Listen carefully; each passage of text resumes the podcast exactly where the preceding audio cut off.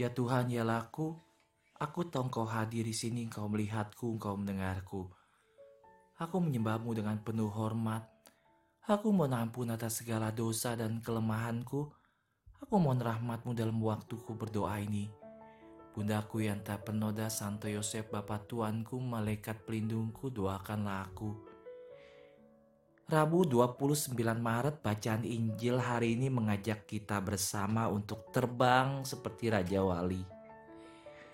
Ada kisah seorang petani yang menemukan sebutir telur di sarang burung elang. Dia mengambil dan menaruhnya dengan ayam-ayamnya. Akhirnya seekor anak elang menetas bersama anak-anak ayam lainnya Elang itu mempelajari kebiasaan ayam. Berjalan melewati pekarangan dan memakan cacing. Kadang-kadang dia memanjat pagar dan jatuh ke tanah berteriak seperti yang dilakukan ayam. Halaman itu adalah dunianya dan dia bahagia di sana. Orang-orang dosa seperti Raja Wali itu mereka terkunci dalam kejahatan mereka, tetapi mereka tidak tahu bahwa mereka di penjara. Mereka tidak tahu ada dunia lain di balik pagar, dan mereka bisa melewati pagar itu karena mereka ditakdirkan untuk bisa terbang. Tapi suatu hari, menurut cerita, anak ayam bersama elang melihat seekor burung terbang tinggi di langit.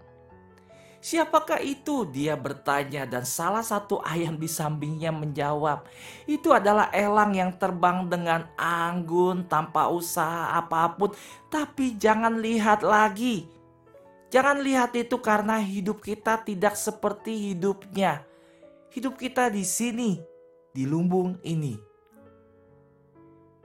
Cerita dapat diakhiri dengan dua cara. Yang pertama adalah elang menghabiskan sisa hidupnya di kandang untuk belajar berjejak dan mengepak. Yang kedua adalah mencoba berkali-kali suatu hari yang nanti tidak akan pernah dia lupakan dia berhasil terbang membumbung tinggi ke langit. Setiap pendosa memiliki dua pilihan juga. Yang pertama adalah dia tetap berada dalam dosa dan cacat mereka tanpa berusaha mengatasinya. Seolah-olah itu adalah satu-satunya realitas mereka. Atau yang kedua, mereka coba untuk terbang ada kebenaran yang perlu mereka ketahui sebenarnya yang akan membebaskan mereka. Mereka diciptakan untuk melambung tinggi.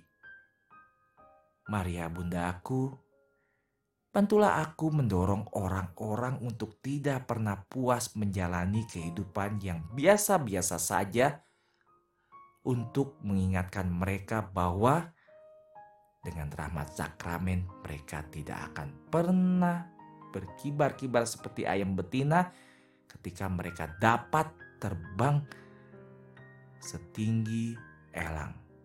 Saint Jose Maria berkata, Bunda Maria harapan kita dan tata kebijaksanaan, doakanlah kami.